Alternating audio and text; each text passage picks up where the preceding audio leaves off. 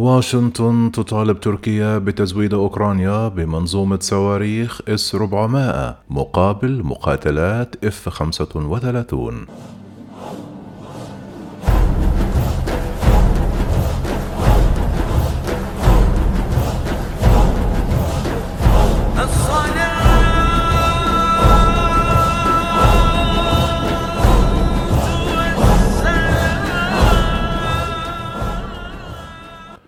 تواجه الحكومة التركية عرضا قد يكون صعب القبول قدمته وزارة الدفاع الأمريكية البنتاغون.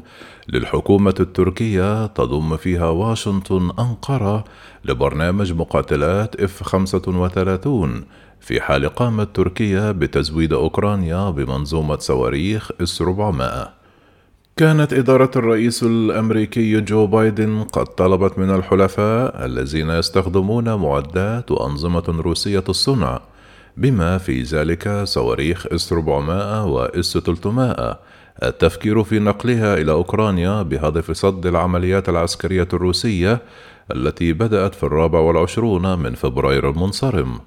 ولم تعلق السلطات التركية على أي اقتراح أمريكي يتعلق بنقل أنظمة صواريخ إس 400 المملوكة لأنقرة إلى أوكرانيا والتي كانت نقطة خلاف منذ فترة طويلة بين البلدين العضويين في حلف شمال الأطلسي.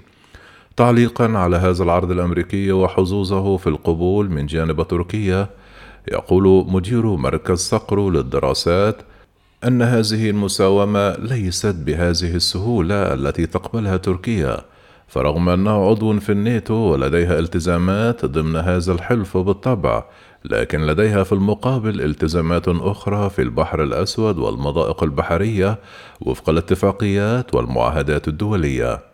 تركيا لديها علاقات متوازنة مع روسيا، ولهذا فمن الصعوبة أن توافق أنقرة على إعطاء هذه المنظومة الدفاعية لكييف كما أن لدى تركيا جملة التزامات وفق عقود شرائها تمنع أنقرة من إعطائها لدول أخرى أو حتى استبدالها لا سيما وأنها سلاح دفاعي عليه شروط وضوابط روسية صارمة ولذلك فالموافقة التركية على هذه الصفقة الأمريكية قد تبدو امرا مستحيلا.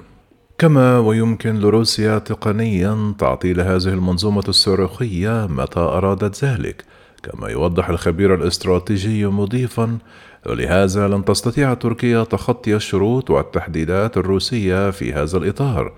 والقبول تاليا بهذه المقايضة الأمريكية بين منظومة إس 400 وبرنامج إف 35 هو من الصعب والمكلف جدا سياسيا واستراتيجيا وفنيا على أنقرة.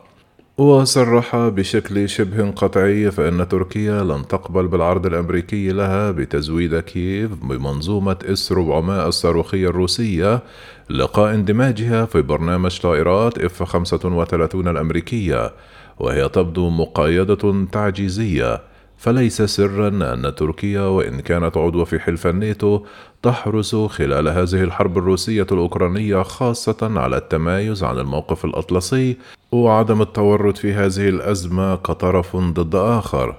وفي هذا السياق يضيف المحلل أتى الاجتماع بين وزير خارجية روسيا وأوكرانيا في تركيا والذي وإن لم يكن مجديا لكنه مثل علامة على طبيعة الدور المحايد الذي تسعى له أنقرة خلال هذه الأزمة، ولهذا يكاد يكون مستحيلا أن تورط تركيا نفسها وتعادي روسيا عبر خطوة تصعيدية خطيرة مثل هذه قد تقود لردود فعل عنيفة مع موسكو.